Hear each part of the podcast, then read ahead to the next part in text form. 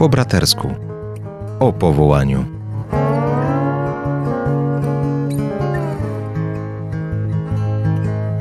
A na audycję zapraszają Ojciec Tomasz Mordziałek. oraz ojciec Andrzej Grat.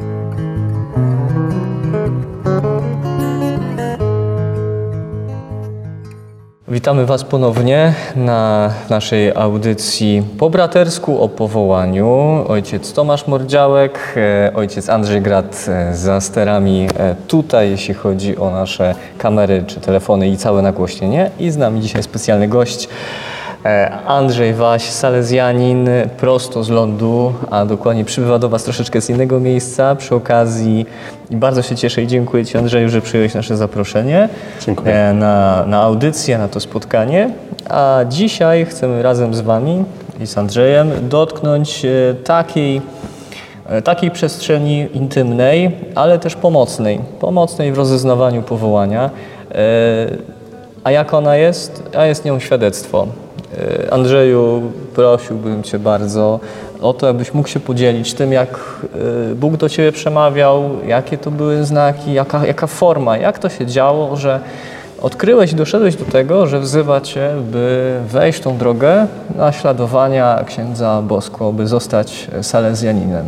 Tak, ja wiem, to- że jeszcze, jeszcze tak stracę. Wiem, że to może być historia dość długa i tak dalej, mamy ograniczony to- czas, nie? Ale To jest tak jak na zasadzie ktoś mnie pyta, czasami wiecie, zdarzy się, że ktoś powie dobre kazanie, nie? Mi, mi się też zdarzy i wtedy przychodzą i mówią, no księże, super kazanie Y, i mówi, ile ksiądz się przygotowywał. I tak szczerze sobie myślę później, mówię tak naprawdę, no całe życie, nie? Całe życie się do tego przygotowuje.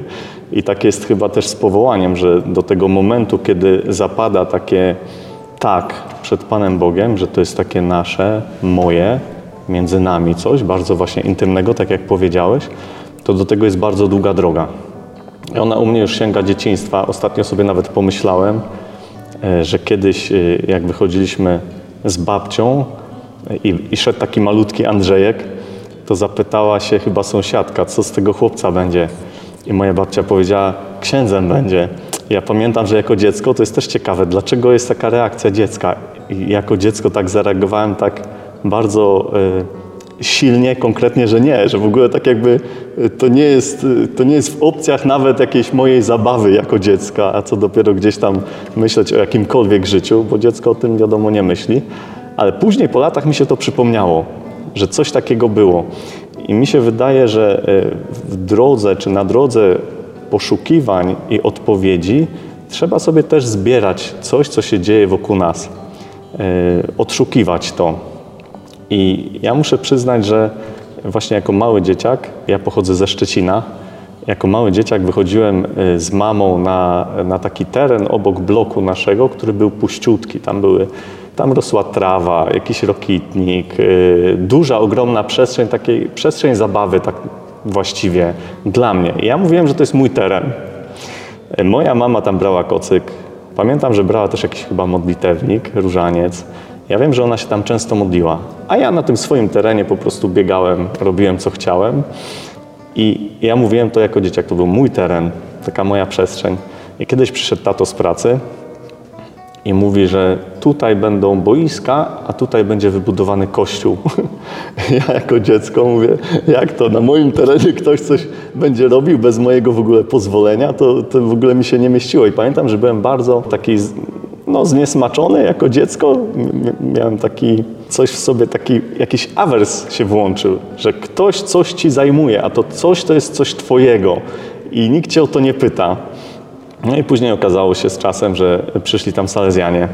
No i Salezjanie jakoś y, od pewnego momentu życia mi po prostu towarzyszyli. Y, I wiecie, to jest tak, że jeśli ktoś musi sobie odpowiedzieć na pytanie, musi, dobrze, żeby tak było, że jeżeli mam powołanie, na przykład do kapłaństwa, jeżeli jestem mężczyzną, no to super. To znasz jedną część odpowiedzi, bo teraz druga jest, gdzie pójdziesz. Bo bogactwo w kościele jest ogromne.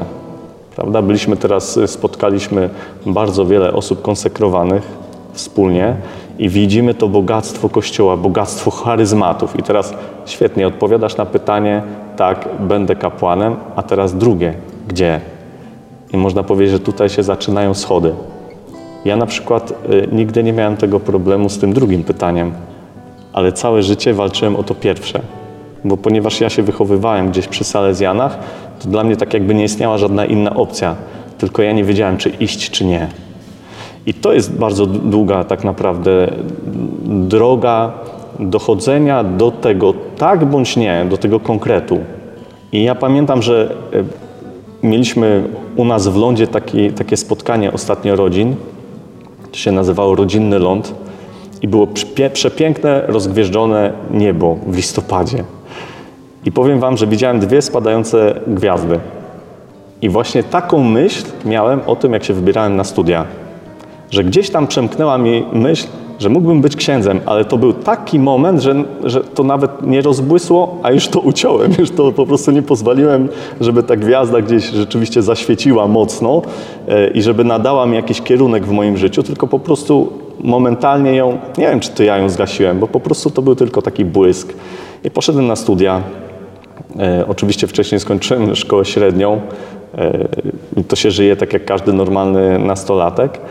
I na studiach powoli, powoli to od, odkrywanie powołania gdzieś y, stawało się coraz jaśniejsze. To znaczy te pytania, które sobie zadaje ciągle młody człowiek, są bardzo ważne i stajemy na takim poziomie, że to już jest czas, żeby sobie na nie powoli odpowiadać.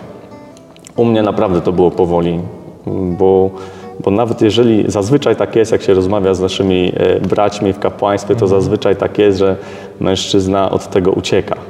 I u mnie też tak było, no bo wiadomo, ma się swój plan. Żona, dzieci, dom i zasadzić dom. Nie? To, są, to są właśnie takie plany podstawowe, można powiedzieć, basic plan. Ja też taki plan miałem. Y, Pamiętam, że troszeczkę się tak y, umawialiśmy z Panem Bogiem, jak już te studia szły ku końcowi, że no dobra, że może, może jak nie będę miał takiej stałej dziewczyny, to wtedy bym ruszył po tych studiach od razu. A same studia było to odkrywanie i też niełatwe, bo pamiętam jak na jednych po zajęciach kiedyś wieczorem siedzieliśmy sobie z moimi e, koleżankami i z kumplami ze studiów przy takim stole. Ja tak e, jakieś zajęcia, coś żeśmy skończyli, nie pamiętam, chyba jakieś laboratorium było czy coś takiego, bo skończyłem polibudę szczecińską. I tak usiadłem sobie przy nich, jak, y, tak jak ojciec chrzestny, i to była już końcówka jakiegoś dnia, nie wiem, może 17 godzina, nie pamiętam dokładnie, ale wszyscy byli bardzo zmęczeni. I tak ja miałem bardzo blisko do tej uczelni. I tak sobie patrzę, oni tacy zmordowani, mówię, wiecie co, mówię, no to mówię, to już jest czas pójść do domu, mówię, zjem coś, prysznic, pomodlę się i idę spać. I wiecie, i to, to ten moment, kiedy ja powiedziałem pomodlę się, po prostu wszystkie twarze na mnie, tak jakby to było coś, nie wiem, coś niezwykłego, coś, co, z czego się w ogóle nie robi. Kosmos taki od razu. A we mnie to było takie naturalne, nie? I ja pamiętam, że w czasie tych studiów też się udałem mm, na mm, odnowę w Duchu Świętym i ona mnie nauczyła czegoś bardzo ważnego, pracy ze Słowem Bożym.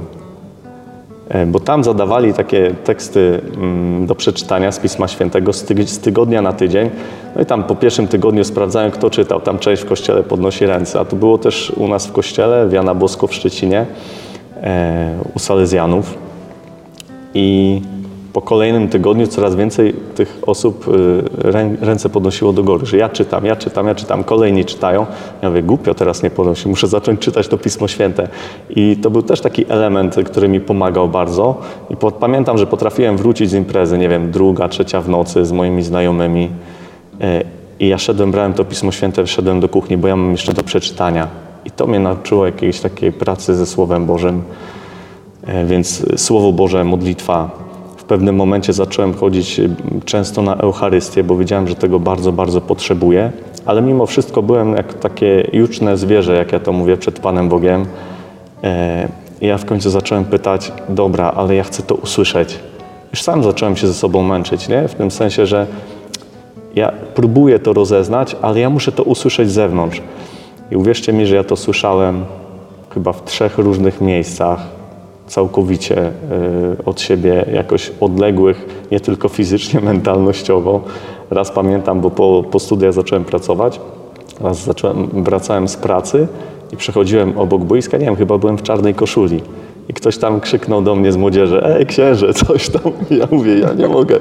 No to masz swoją odpowiedź. Drugi raz poszedłem na taką imprezę taką jak widzimy w filmach w Stanach Zjednoczonych, że jest dom i wszystkie jakieś środowiska takie naładowane, że to były chyba jakieś urodziny czy imieniny mojego kumpla i tutaj są takie dziewczyny jak y, wiecie, jak y, z, z wybiegu dla modelek, tutaj ktoś grał na gitarze, jakiś gościu przyszedł, swoją książkę mu podarował.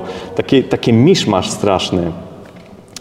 I tam też właśnie ktoś rzucił, że ej ksiądz, taką ksywę dostałem, nie? Ej ksiądz. I nie to, żebym, wiecie, że nie wiem, czy mam taką twarz brewiarzową, nie, normalnie się ubierałem, normalnie się zachowałem, standard gość. Ale byłem też ministrantem i to był taki trzeci moment, kiedy y, przed mszą świętą wbiegła do zakrystii taka malutka dziewczynka, nie wiem ile lat miała, popatrzyła na mnie, ja byłem y, chyba już w komrze albo jeszcze bez i mówi tak, ty jesteś salezjaninem. I wybiegła. Ja mówię, i tak jeszcze ją chwyciłem, znaczy zatrzymałem ją przed wyjściem, mówię, no tak nie doszło, nie doszło to do mnie, mówię, możesz mi to powtórzyć jeszcze raz? On tak się uśmiechnęła, bo to jest, wiecie, dziecięcy uśmiech, uśmiechnęła się i powiedziała, ty jesteś salezjaninem i uciekła.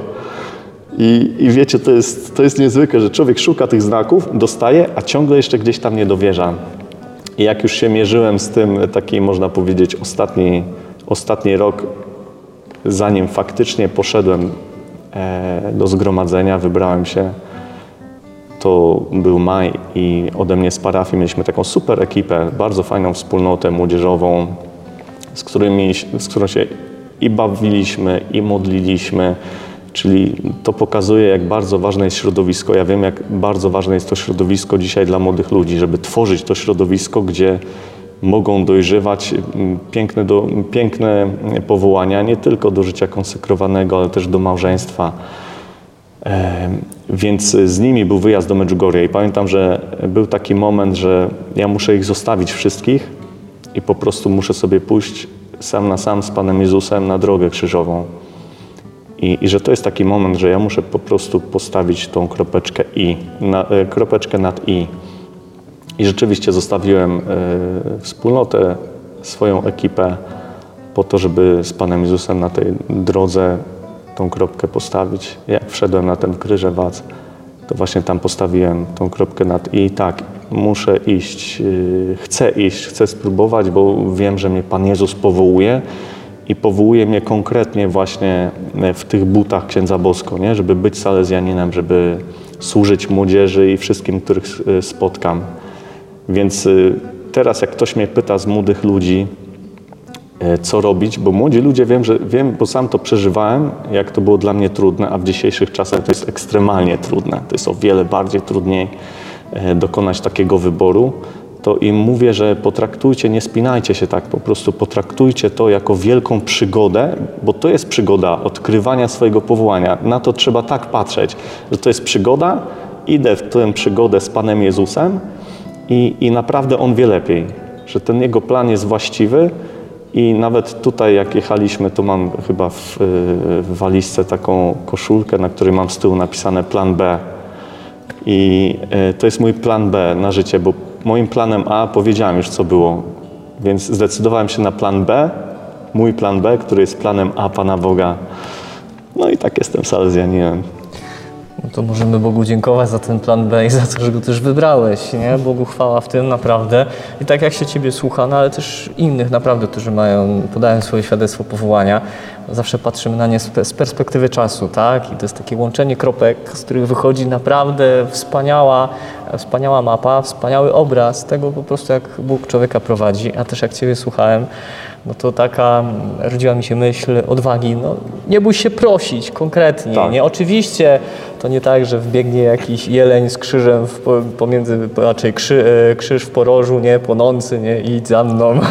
No, dokładnie. stylu, nie? Ale, ale będą jakieś takie jednak znaki, które podpowiedzą Ci i będą takim lekkim popchnięciem Pana Boga.